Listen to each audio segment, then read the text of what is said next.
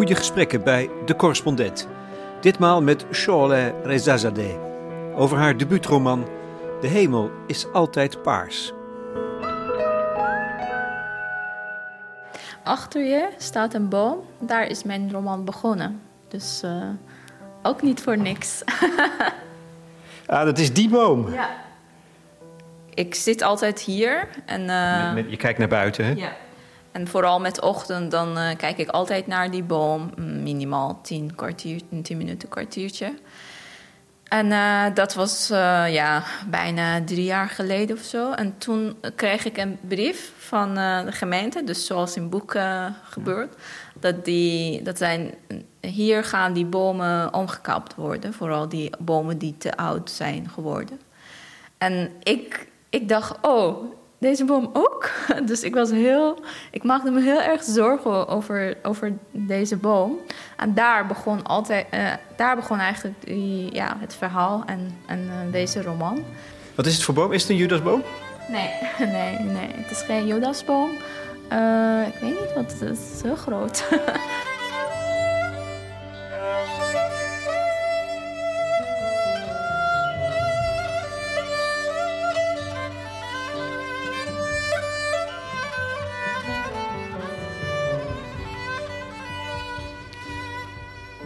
De boom staat er nog. Het is, zo blijkt uit navraag bij haar man, die bioloog is, een grauwe abeel. Dat is ook mooi. En het gaat dus evident niet om botanische kennis, maar om iets anders. Bomen zijn levende wezens. Ze vormen een belangrijke gestalte in De Hemel is Paars, de debuutroman van Sholeh Rezazadeh. Ze komt uit Iran, uit een stad in de bergen, Tabriz. Ze is al vijf jaar in Nederland. Uh, pardon, vijf jaar. En dan een roman publiceren?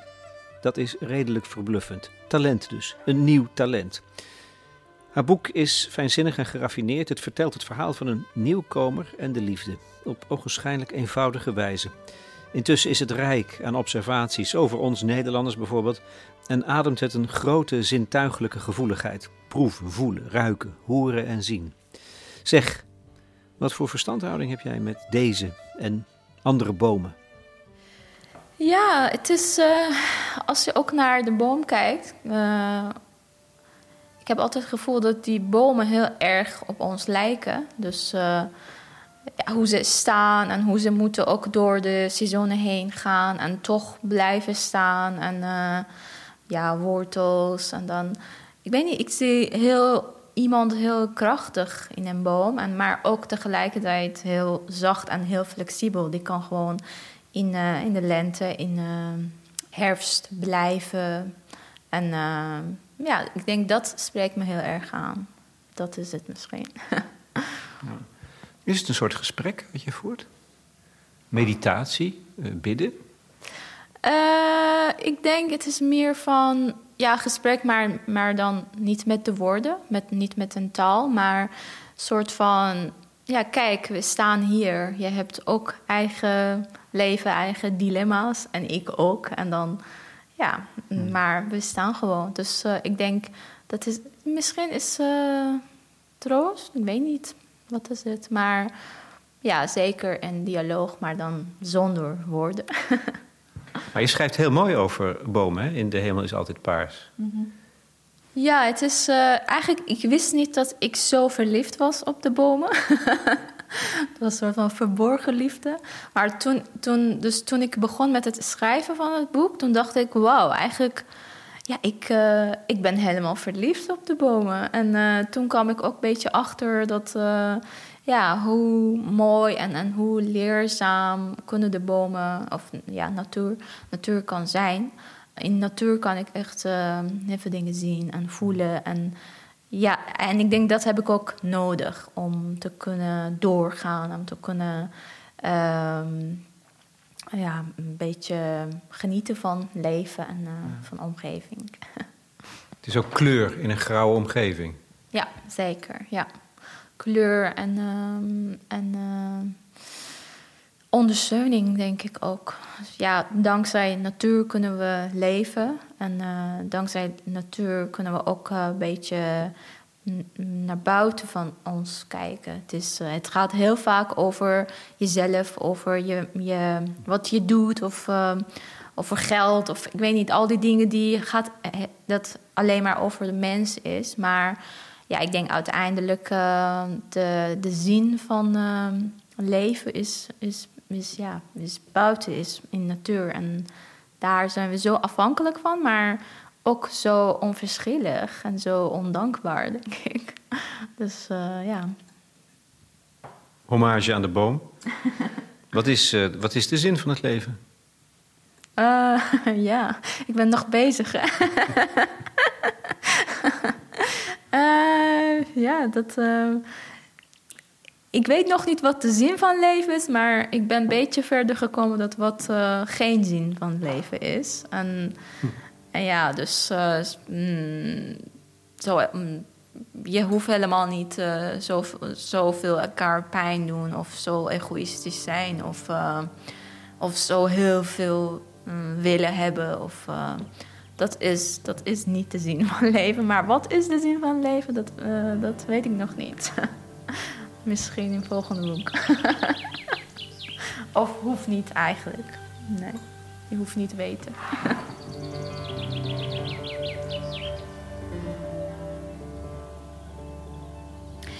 Hebben de bomen je niets over de liefde verteld? vraag ik. Johan draait zijn hoofd en kijkt weer naar buiten. Van waar ik zit, zie ik een paar bomen. Ik moet aan Mees denken. Er stroomt een zoet gevoel in mijn hart. Het duurt maar heel even. Een mens loopt zijn liefde achterna. Op het moment dat de liefde over is, komt hij op zijn eigen benen terug. Maar één boom heeft geen benen.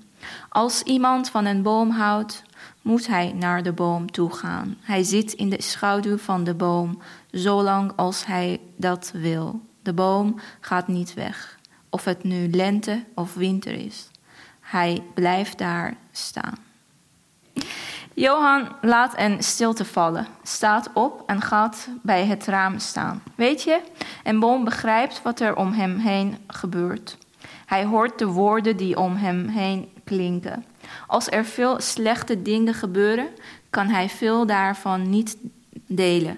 Die woorden blijven in hem zitten. Dan begint hij langzaam van binnen uit te barsten. Hij wordt zwak. Insecten en schimmels vallen hem aan. Kleine, ruwe gaten openen zich in hem en hij wordt van binnen zacht. Op één dag valt hij om. Een boom die ongeschiedelijk krachtig en gezond is, is omgevallen. Je moet de woorden blijven uitspreken. Lieve dame, anders gaan ze schimmelen in je hart.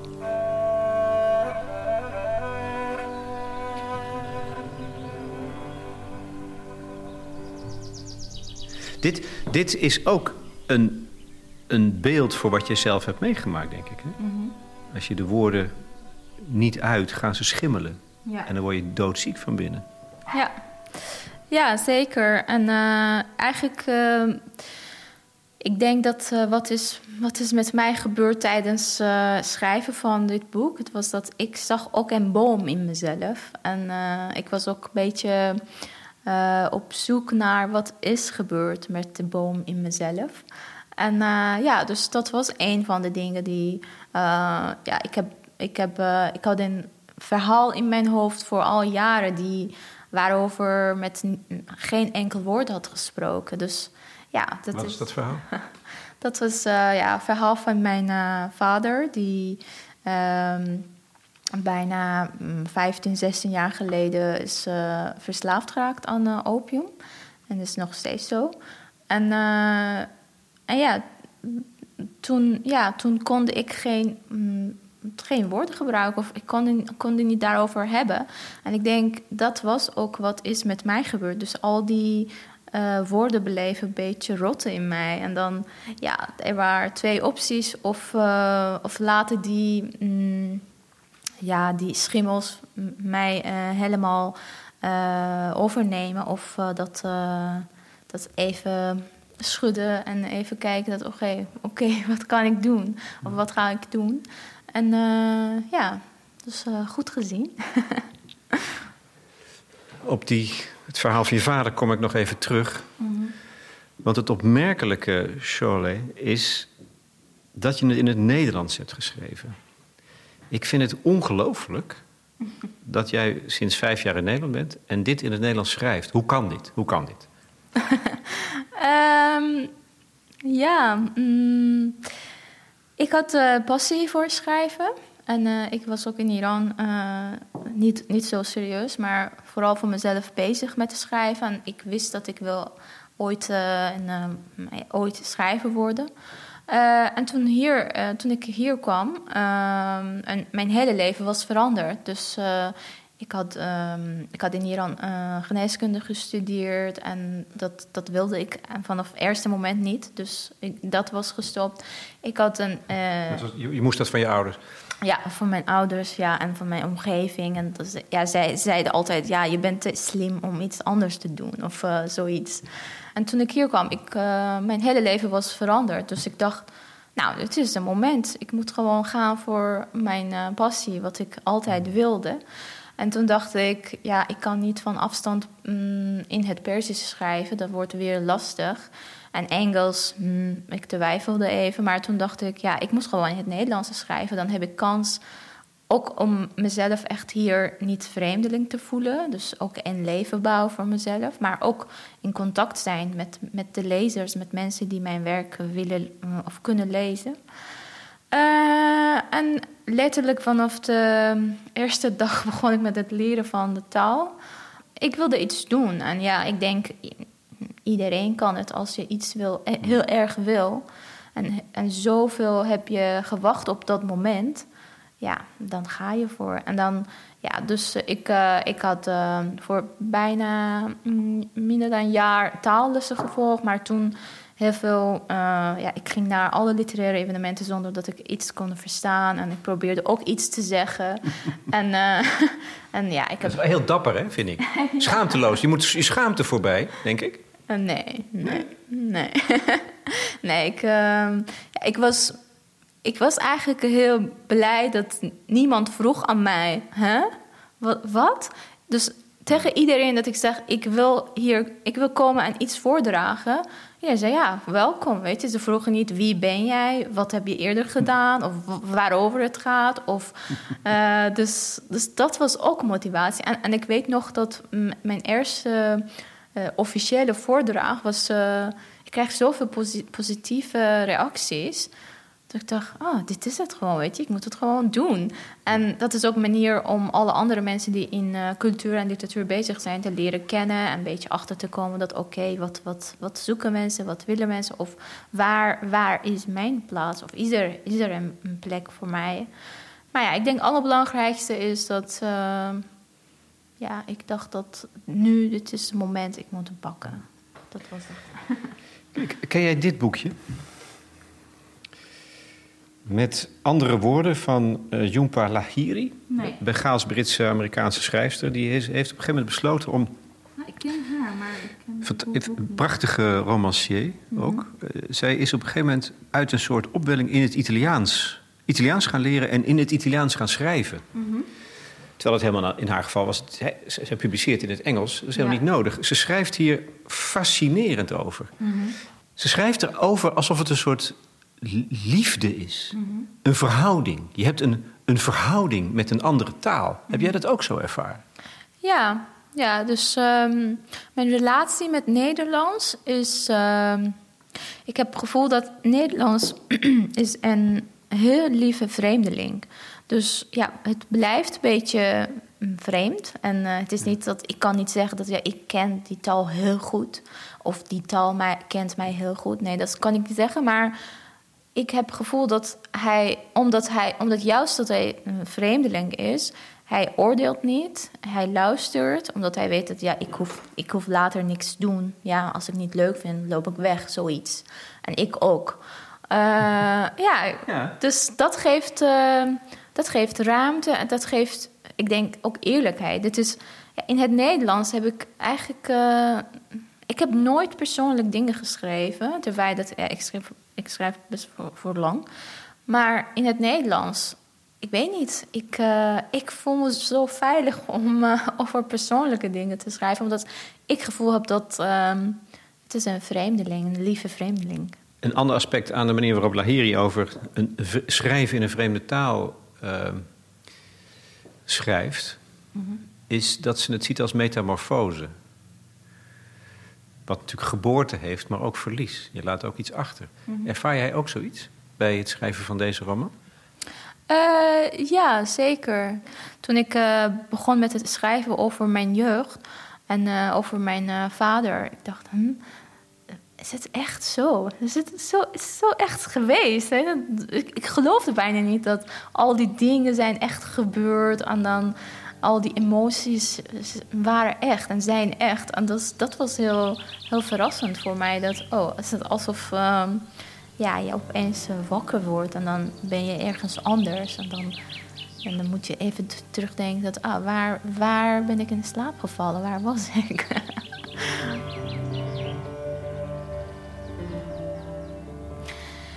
Johan maakt thee voor mij en koffie voor zichzelf. Ik volg zijn rustige en vriendelijke bewegingen. Hij is een van de weinige mensen die geen enkele haast heeft. Als hij weer naast mij zit, zegt hij: Waarom ben je zo verdrietig geworden?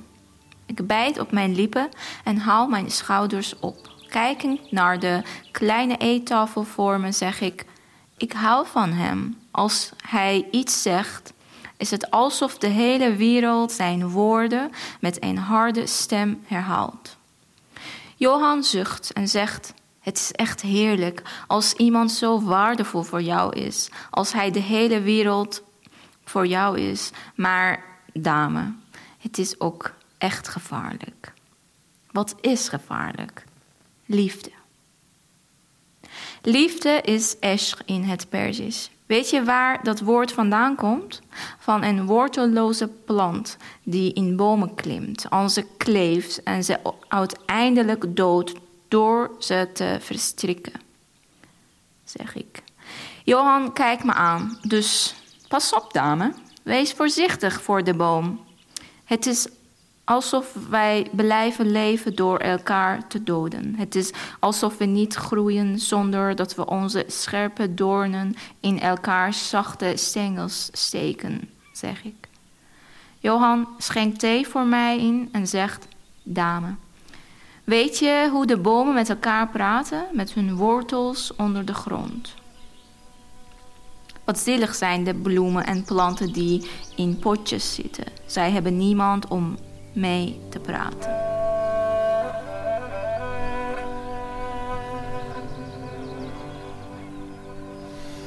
Dit is uh, het citaat met voor mij de sleutelzin. Mm Het is alsof we blijven leven door elkaar te doden. Mm Dit is waar het over gaat, volgens mij. Ja, ja zeker. Ja. Dus uh, dat is. Uh, ja. Mm, dus wat ik zei, dat, dat dat mag niet te zien van leven zijn. Dit bedoelde ik. Dus ja, we doen elkaar zoveel pijn, bewust of heel vaak onbewust, dat uh, alsof zonder dat kan niet, zonder dat kunnen we niet verder. Of uh, ja, en, en, ik weet niet, misschien dat kan ook niet veranderen. Misschien dat is, dat is hoe het is. Zo zie jij de liefde? Um, dat we de ander stikken om zelf te blijven leven. Nou, het is niet dat ik zo zie, maar dat is wat gebeurt vaak. Dus uh, ja, dus liefde. Ik heb niet alleen maar over liefde tussen twee mm, ja, jonge mensen, maar ook ja, liefde van ouders of uh, alle, alle vormen van liefde. Ik denk, ja, heel vaak uh, leidt tot dit, leidt tot een van de of alle twee soort van kapot zijn, omdat ze zo verliefd zijn. Of omdat, ze, of, of omdat die andere die, die, die zwakte kan zien en kan uh, misschien onbewust uh, gebruiken. Het klinkt heel negatief, maar. Ja, dat, maar dat is het ook. Het is, ja, het is ook heel. Helaas uh, is het zo.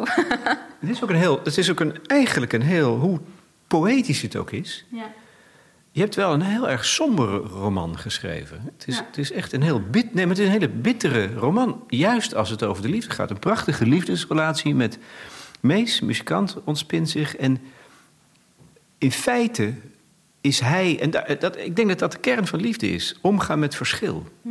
Ja. En hij is niet in staat om om te gaan met verschil. Ja.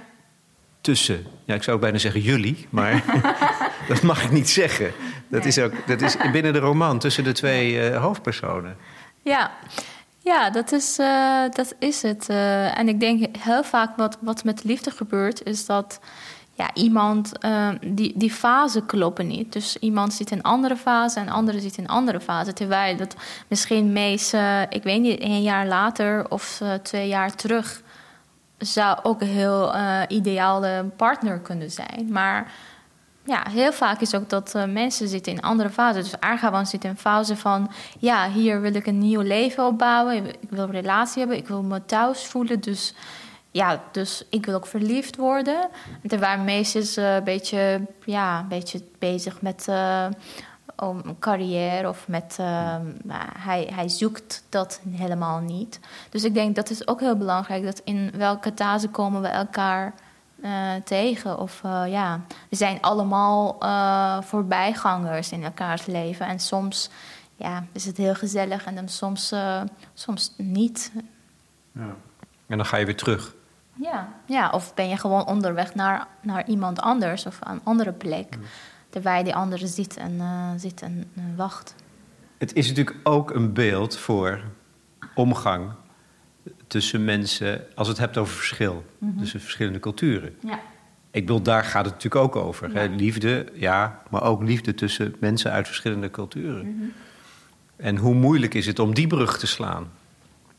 Voor mij vooral die laatste 1, 2 jaar. Dan, eh, de eerste eh, mm, eh, 1, 2 jaar eh, dat ik in Nederland eh, was, eh, kwam, was echt eh, bijna om, om, onverstaanbaar. Dat, hè?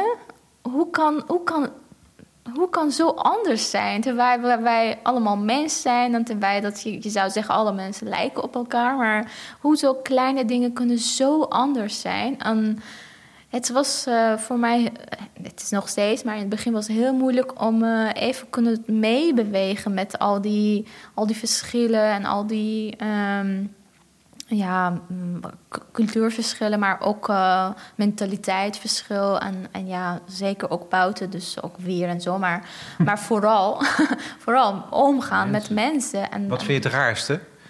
Ehm, ja, dat, dat blijft nog steeds eh, raar. Eh, Ik, ik, ik, ik heb het geaccepteerd. Maar ja, voor mij is het heel raar dat hoe, ehm, hoe iedereen voor zich is. Hoe, soort, hoe mm, nou, egoïstisch weet ik, weet ik niet. Maar hoe klein de, de, mm, de men- hoe klein de groep van mensen zijn die, die mensen mm, kunnen aan hun geven. Dus heel, heel beperkt. Dus eh, ja. Wij omringen met, ons met kleine cirkels van Ja.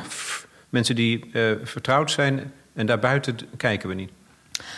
Ja, en heel, heel vaak uh, ja, mensen hebben over zichzelf, dus over eigen baan, eigen huis of eigen kleine gezientje. En uh, ja, en dan dat was voor mij heel, ver, heel verrassend dat, oh, uh, heb je geen tijd voor andere mensen of voor, voor, je, voor mensen die je zomaar tegenkomt? En, uh, of zo makkelijk mensen kunnen nee zeggen, omdat ze, ja, ze geven toch voorrang aan hun eigen wensen. Dus uh, ja, dat is. Uh, maar ja, nu heb, nu, ja, heb ik geaccepteerd. Ik zeg: Oké, okay, dit is ook de manier van. Nee, uh... nee ho, ho, ho. Scholle, dat is verschrikkelijk. Ja, ja, maar. Dat is niet om te harden voor jou. Ik bedoel niet dat ik heb geaccepteerd dat ik ga ook zo doen. Maar ik bedoel, uh, ja, dat, dat, kan ik niet veranderen. Weet je? Ik kan niet aan mensen vragen: nee, zo, zo kan je niet doen, zo moet je doen. Het enige ding dat gebeurt als ik me heel boos maak, is dat ik ga zelf uh, de hele tijd geïrriteerd uh, worden. Dus, um, ja. Ja, dat nee, maar, nee, maar dat stemt het lezen van dit boek nogmaals met die poëtische gevoeligheid, hè, de zintuigelijkheid die erin zit. Het stemt ook echt verdrietig. Ja. Het is ook een spiegel voor mij en, en met mij alle andere lezers. Ja. Zijn wij zo? Ik denk dat vooral voor iemand die niet eh, daar gewend aan is, ja, dat kan in het begin heel chockerend en heel pijnlijk zijn. Terwijl dat jullie, jullie, maar ik, ik ben ook van jullie, maar ik bedoel, terwijl dat mensen misschien bedoelen niks negatiefs. Het is niet dat ze willen jou pijn doen, maar Je, ziet dan maar weer eens wat cultuur is. Of hè, zo zijn wij gepokt en gemazeld. Een van die, een van die voorbeelden. Is maar zo'n klein dingetje. Ehm, gesprekken voeren en dan ondertussen op ons horloge kijken. ja, ja, ja. Dat, eh, ja, dat, Ik denk, ik denk dat ik het ook doe. Ik leef ook met de tijd. Altijd met deadlines en tijd en haast. Ja, maar dat is ook niet jouw schuld. Hè? Het is, eh, het is je, al om te kunnen eh, overleven in deze maatschappij moet je zo zijn. Anders blijf je ook achter en dat wil je ook niet. Dus daarom ja, mm, durf ik niet te zeggen: oh nee, dit is fout. Maar dit is ook, het is, zijn golven dat, eh, ja, omdat je hier woont. ehm, je moet soms eh, meegaan. Ik, ik, ik, ik denk niet dat alle Nederlanders ook fijn vinden om zo de hele tijd druk te hebben en de hele tijd bezig moeten zijn met de tijd. Dat, dat vinden ze ook misschien niet fijn, maar het moet. Het is eh, anders, ja. Anders eh, kan je niet gewoon redden. Nog zo eentje.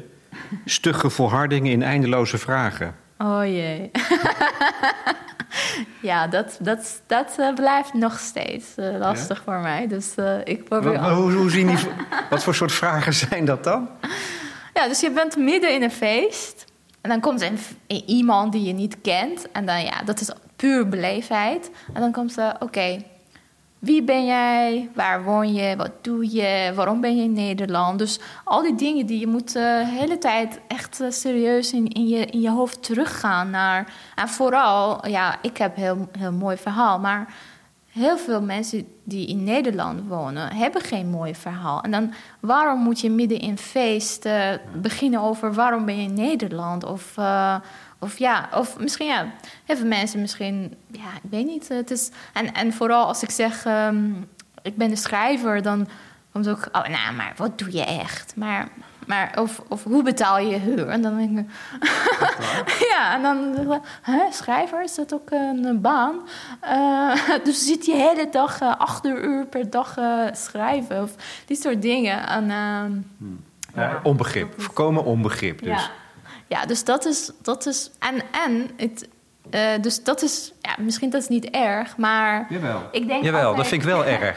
Maar, maar vooral wat, wat mij. eh, bo- nee, niet boos, maar wat voor mij. Wat, wat ik niet begrijp is dat. Waarom? Weet je, misschien komen we elkaar nooit meer tegen. Of, of gaan we misschien e- elkaar binnen een jaar zien. In, in de beste optie. En dan ben je. Ja, wat, ma- wat maakt het uit? Waarom wil je dat weten? Waarom vraag je niet gewoon iets dat op dat moment, over dat moment, over, ja, over iets die op dat moment interessant is en hoeft ook niet, eh, hoeft niet praktisch zijn. Maar ik denk een deel is ook dat, eh, dus omdat iedereen zo bezig is met, met werk en met nuttig zijn en zo. Dus ik denk daarom komen ook dit soort vragen. Om, onbewust ben je ook toch op zoek naar iets nuttigs of ik weet niet, netwerk. Of, eh, Als- Alsof we alleen maar uit, eh, uit een baan bestaan. Hè? ja, ja, ja. En, en succes. En succes is belangrijker dan geluk, schrijf je. Nou ja, dat is... Ja, dus dat is eh, helaas. Maar ik denk dat komt ook omdat zo iedereen een beetje geïsoleerd is. Ja, dan wat kan je grijpen? Je kan jezelf grijpen. En meestal, wat, wat heb je? Je hebt een baan. En dan, ja, als, als alles daar moet gebeuren, ja, dan, dan ben je ook de hele tijd op zoek naar beter te doen en succes te krijgen. En, eh, Iemand stelde, een vriend van mij stelde wel eens voor om eh, gesprekken te openen met. Ook bij, eh, op feestjes of als mensen bij elkaar komen aan tafel voor een maaltijd. Om te vragen: van, Heb je nog iets bijzonders meegemaakt vandaag of deze week? Ja. Geweldige opening. Ja, zeker. Ja, ja en ik, ik vind ook altijd eh, interessant om te vragen over wat, wat hebben mensen gedroomd. Dat vind ik zo, zo aantrekkelijk. En dan vaak kom je, ja, heel vaak mensen weten niet, maar soms kom je ook zo achter. En dan met, alleen maar met dat eh, vraag, misschien kan je die persoon zo, zo beter leren kennen dan, ik weet niet, twintig andere vragen. Heb je, wat heb jij gedroomd vannacht? Oh.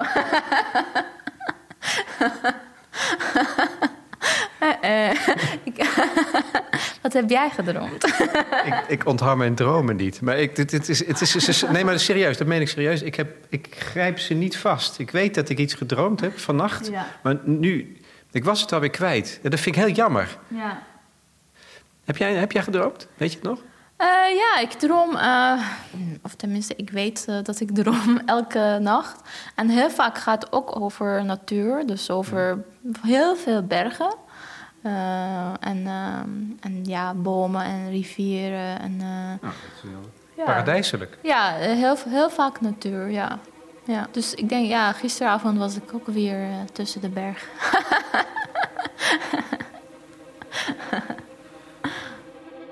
چه تدبیری مسلمانان که من خود را نمی‌دانم.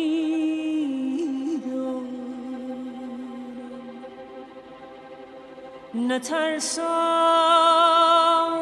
یهودیم.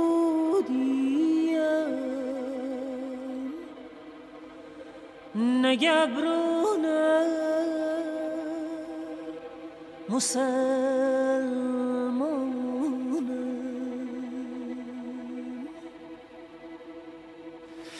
Moeten we toch naar Iran? Nee. De, want als je bergen zegt, dan denk je aan Tabriz, denk ik, waar je vandaan komt. Ja. En dat is een omgeven door bergen. Ja, ja het is niet alle hoogste, maar een van de hoogste plekken van Iran. Heel, ja, heel, heel veel bergen. Ja, dus in Tabriz, eh, waar ik eh, loop, ik zie berg. Dus het is omgrensd met de bergen. Hield je ervan, van dat berglandschap? Eh, dat, ja, toen wist ik niet. Maar toen ik hier kwam, ik dacht, hè, hoe kan dat? Geen enkel berg. En, dan, en toen kwam ik achter dat eigenlijk hoe belangrijk ze waren en hoe mooi ze waren. En ehm, ja, Waar, ja. staan, waar staan ze voor in jouw beleving? heel krachtig. En eh, ik heb altijd, altijd het gevoel dat ehm, als, ik, als ik een berg mm, klim en dan kijk ik naar beneden en ik zie dat hoe klein alles is, hoe ja, bijna ja, de hele stad bijna niet meer te zien is. En dan, en dan denk je, oh, eigenlijk hoe onbelangrijk is al die dingen waarover we ons eh, druk maken. Dus ik denk dat is het allermooiste. En ook, ja, dus ik weet, eh, toen, toen was ik niet misschien bewust van, maar nu weet ik dat als ik eh, een beetje klaar mee was met eh, waar, wat doe ik, waarmee, waar ik mee bezig, dan, ja, dan ga ik even naar de bergen en dan sta ik op de top. En dan kijk ik naar mijn omgeving en ik zie dat, ja, hoe eigenlijk onbelangrijk en klein alles is. Dus ja, laat maar, geen zorgen maken. Ja, dat helpt enorm om te relativeren. ja, zeker, ja. Je ging in de bergen wandelen met je vader. Ja, ja, heel vaak. Ja. De laatste jaren eh, alleen. maar eh, nou, heel vaak eh, met hem. En ehm, ja, we gingen wandelen en heel vaak zonder woorden. En alleen maar, om, om, om alleen maar kijken en voelen. Want dat is wel wat ook echt een prachtige kant is hè, van de hemel is altijd paars. Sole Rezade. Dat is die, die zintuigelijke gevoeligheid. Ruiken, luisteren, kijken, kleuren. En is het zo dat je eigenlijk in zekere zin getraind bent daarin? Ja. Ja, denk ik. Ja, ehm, we hadden... Ja, in mijn, in mijn eh, familie is... eh, ja, de relatie tussen mijn ouders was heel slecht. En dus meest, meestal wat je hoort is... eh, of hoor je niks, of is stilte... of, of is een negatieve woorden, of heel eh, pijnlijk. En ik denk... eh, misschien daardoor mm, ben ik een beetje gestopt met woorden als, ehm, als, als gesprek of als... De inhoud van woorden, betekenis en inhoud van woorden. Eh, ja, dus. Eh, en, en ja, mm, eh, ik, ben, ik ben gegaan naar andere vorm van, van andere, andere gebruik die woorden hebben, dus schrijven en lezen. Maar eh, ik denk, ja, dat speelt best een grote rol om toch te kunnen proberen van andere dingen te kunnen te genieten. Dus, dus door je ogen of door luisteren naar de, niet naar de woorden, maar naar, naar natuur of naar. Eh, en ja, het is grappig dat iemand zei tegen mij, een van de lezers. In het begin dacht ik dat Argawan ehm, doof of doof was, omdat eh, zij had zo weinig met, met, eh, met woorden en zo. Dus ik dacht, hmm, misschien ben ik een beetje gewoon opgetraind om een soort van ja, collectief doof te worden of zoiets. ja.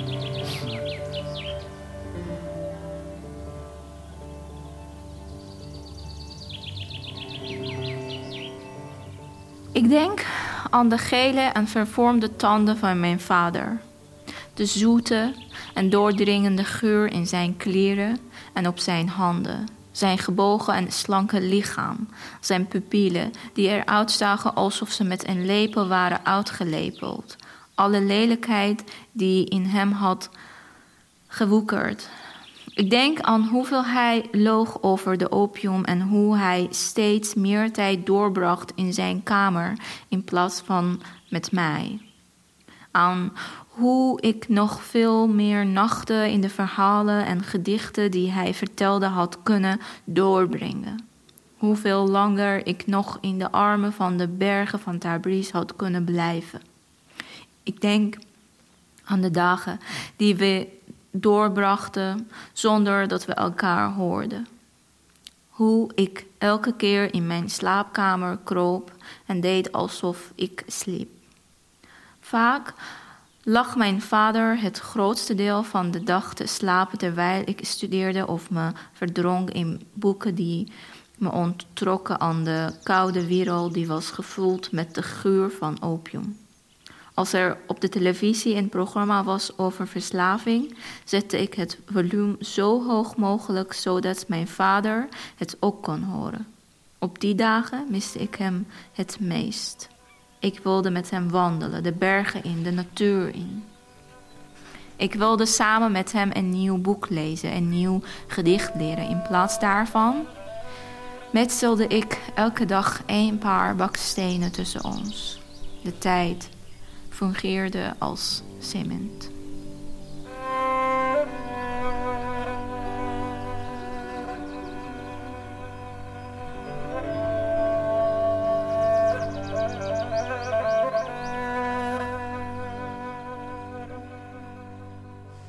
Hoe oud was je toen jij ontdekte dat je vader verslaafd is aan de opium? Eh, ja, ik was eh 16, 15, zoiets. Echt wel tiener. Ook nog. ja. Wat dacht je eigenlijk? Ehm, ja, in het begin was ontkennen. Ik dacht, nee. Dus mijn, mijn moeder had heel vaak over dat, ja, dit is gebeurd. Of, eh, maar ik was vooral aan het ontkennen, nee. Dus hij, is, hij, is, hij, hij wil gewoon even alleen zijn. Of het is toch iets anders of zo. Omdat, mm, ja, hij, hij was zo eh, groot voor mij. Dat eh, ik, ik wilde niet geloven dat zoiets is, zoiets is gebeurd. Maar ja, langzaamaan, eh als, je, als je toch jaren, eh, s- mm, door de jaren ziet dat, oké, maar hij is echt aan het veranderen. En vooral toen ik het gevoel had dat hij heeft ook geen, geen ja, interesse voor mij. Of hij weet eigenlijk niet dat wat er gaande is in, in zijn omgeving. Ja, toen, eh, toen was ik heel boos en heel verdrietig. En ik dacht, hoe, hoe kan dat? Hoe, hoe kan je zo eh, egoïstisch doen? Ben je niet... eh, je bent toch een vader, je hebt toch verantwoordelijkheden. Ehm, maar ja, dat was eigenlijk heel kort. En daarna dacht ik, nou ja, daarna was het soort van, oké, het is gebeurd. En Zo- Zoals een puber in woede af- afstand neemt van haar ouders of een van beide ouders. Maar ik, ik denk namelijk eigenlijk dat het een, dat het een rouwproces is. Ja. ja, dus het was niet dat ik echt afstand eh, noem. Dat, dat, dat konde eigenlijk niet. Omdat eh, ja, diep in mijn hart eh, hoopte ik dat nee, het is tijdelijk en het gaat voorbij. En dan oké, hij, hij heeft iets verkeerds gedaan, maar het komt goed. En wie ben ik om boos te zijn op mijn vader? Nee, ik had, ja, dus de relatie was gewoon een beetje, beetje koud geworden, maar niet agressief. Of niet dat ik, uh, dat ik niet uh, met hem wilde praten of dat ik wilde weg of zo. Nee, dat, dat was het niet. Maar vooral, ja, eigenlijk heel veel was, uh, was binnen. Dus ik, het was niet dat ik de hele tijd uitte, maar het was vooral binnen heftig. van binnen rotten. ja, ja, dat bedoel ik, weet je. Dat ja. is een soort van van binnenuit gehold, kapot, ja. kapot gaan. Ja. Um, en het schrijven van het boek heeft je daarvan bevrijd. Eigenlijk. Ja, zeker. Ja, dus ik denk dat uh, als, ik, uh, als ik dit boek niet had geschreven, als ik, niet, als ik geen kans had om in een andere taal te kunnen zo makkelijk schrijven, misschien was, uh, was het nu heel anders. Was, nu heb ik, ja, ik, heb, ik, ik voel me luchtig. Het is niet dat alle pijn weg is, nee. Maar um, het is vooral dat ja, ik, ik heb een beetje ruimte in mijn hoofd om voor andere dingen dan alleen maar dit. Eigenlijk ben je dus de dochter van een junkie. Zeker. ja, dat, dat, dat, daar heb ik heel veel nagedacht. En uh, ja, mijn, mijn vader is ook uh, is, uh, sowieso een beetje uh, introvert. Dus hij, hij praat ook niet heel veel. En je weet eigenlijk zo heel vaak ook niet wat in zijn hoofd speelt. Dus heel moeilijk om te lezen. Maar mm, ja, ik denk, ja, hij, dus wat ik zei, mijn ouders hadden geen goede relatie voor jaren. Dus dat is zeker een reden. En, Hij zocht vergetelheid of zo, uit de ellende. Ja, ja ik denk ook. Dus ik heb. Ik, heb, uh, ik ben verdronken in literatuur en hij is verdronken in iets anders. Dus ik denk dat is het. Mm. Dus, dus ja, mm, op een, op een juist of of juist niet juiste moment aan verkeerde omgeving of wat dan ook. Dus hij, hij leidde tot uh, opium. Ja, en ik had misschien een kans om, om, te, om, uh, om een boek te pakken of een, uh, een pen te pakken in plaats van druk. Is er veel opiumverslaving in Iran? Uh, ja, ik denk, ja, dus hier heb je vooral alcohol en heb je cocaïne of andere. En in Iran dan heb je vooral opium. Dus in Iran hoor je heel weinig dat iemand verslaafd is aan alcohol of cocaïne. Vooral gaat over opium. En ja, dus misschien een beetje vergelijkbaar wat hier gebeurt met alcohol. Jij verdronk in de literatuur. ja, dat is ook een reddingsmiddel, toch? Ja. Voor jou? Er was altijd, ik, denk, ik heb het vooral, jij kan volgens mij Omar Khayyam uit je hoofd citeren. Op school hadden we heel veel, uh, als literatuurles uh, moesten we um, gedichten uit onze hoofd leren. Dus van Hafez, van Khayyam, van Rumi. Maar, uh, maar ja, voordat was ik al dus, dus dat was uh, met uh, toen we, ik weet niet, uh, 14, 15 waren. Maar ik was vanaf mijn nog jonger al bezig met literatuur. En ja, ik vond het heel leuk om gedichten te, te lezen, ja. om, om, boeken te lezen. Zelfs als ik niks kon begrijpen.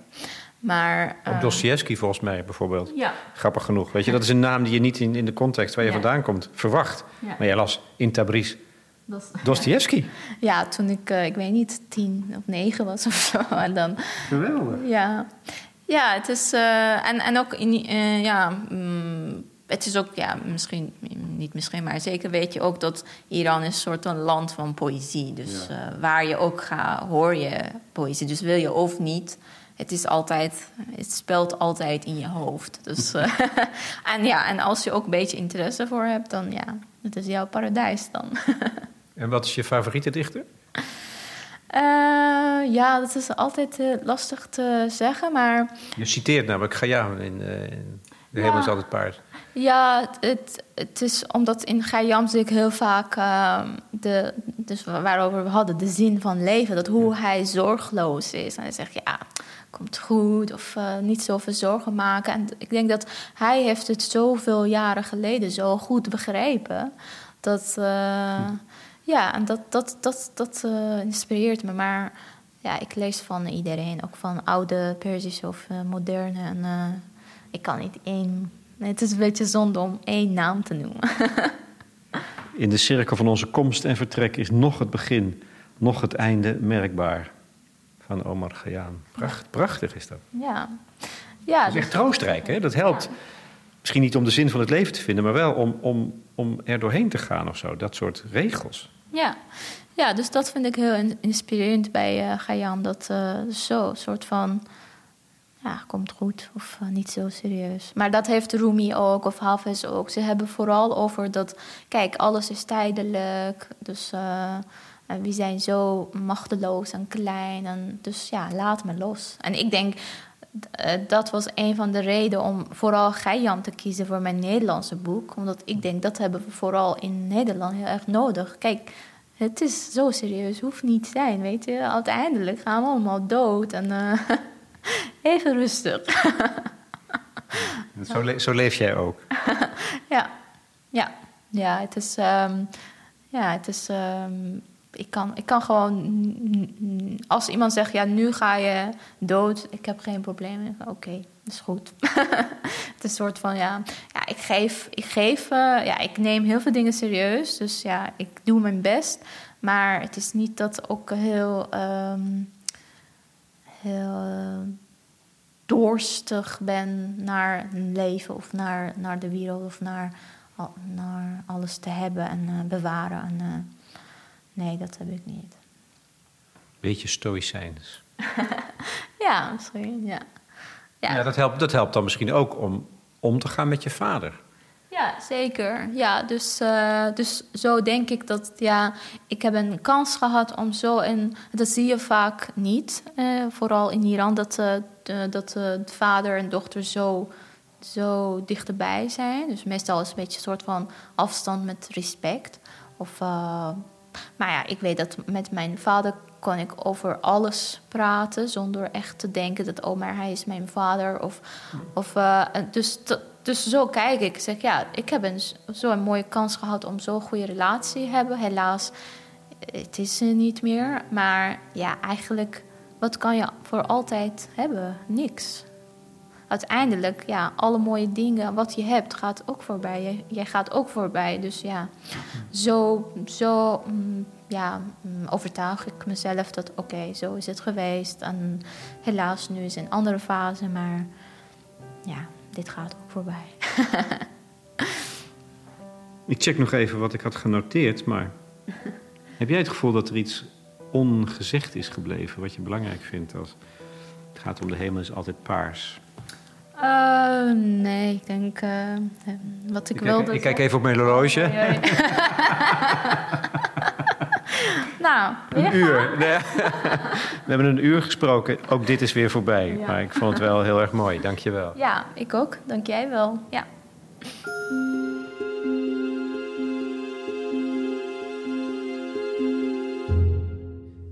Shole Rezazadeh in gesprek met Lex Bolmeijer over haar debuutroman De Hemel is altijd paars. Hij is uitgebracht bij Ambo Antos. Hebben jullie vragen of commentaar of wil je misschien ervaringen delen? Gebruik dan de bijdragesectie op ons platform. Is toegankelijk voor leden van de correspondent. En je bent al lid voor zeventientjes per jaar. Daar krijg je dan een jaar lang kwaliteitsjournalistiek voor voorbij de waan van de dag.